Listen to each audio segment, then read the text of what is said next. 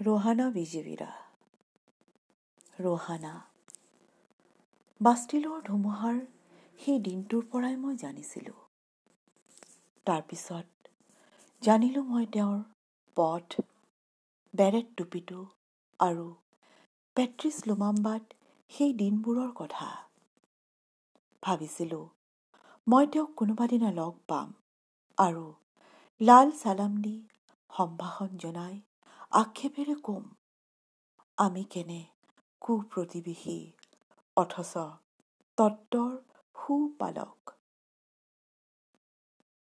তেওঁক কৰা অত্যাচাৰ আৰু তেওঁৰ মৃত্যুৱে মোক আচৰিত কৰা নাছিল। কাৰণ জানিছিলোঁ সমাপ্তি হবই নৃশংস। ৰঙাৰে পৰিণিত এজন বিপ্লৱীৰ জোখৰ। কিন্তু তেওঁক যেনেকৈ শাস্তি দিয়া হৈছিল মৃত্যু ঘটোতে তেওঁৰ এটাও নখ নাছিল। ভগা আছিল এপাৰি দাঁত। আমাক মাৰি পেলালেও আমাৰ উদাত্ত কণ্ঠ যি থাকিব চিৰদিন।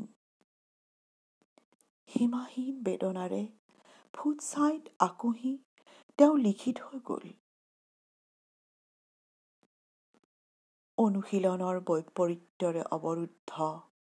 নেতাৰ মাজত সাকু গঢ়ে মহাসাগৰে। ছে আৰু ৰোহানা। অখ্যাত উপকণ্ঠত জীৱন নিৰ্বাহ আৰু মৃত্যুবৰণ। চিকিৎসা বিজ্ঞান আৰু মেনিফেষ্টৰ দীঘল দাড়িৰ ছাত্ৰ দুজন।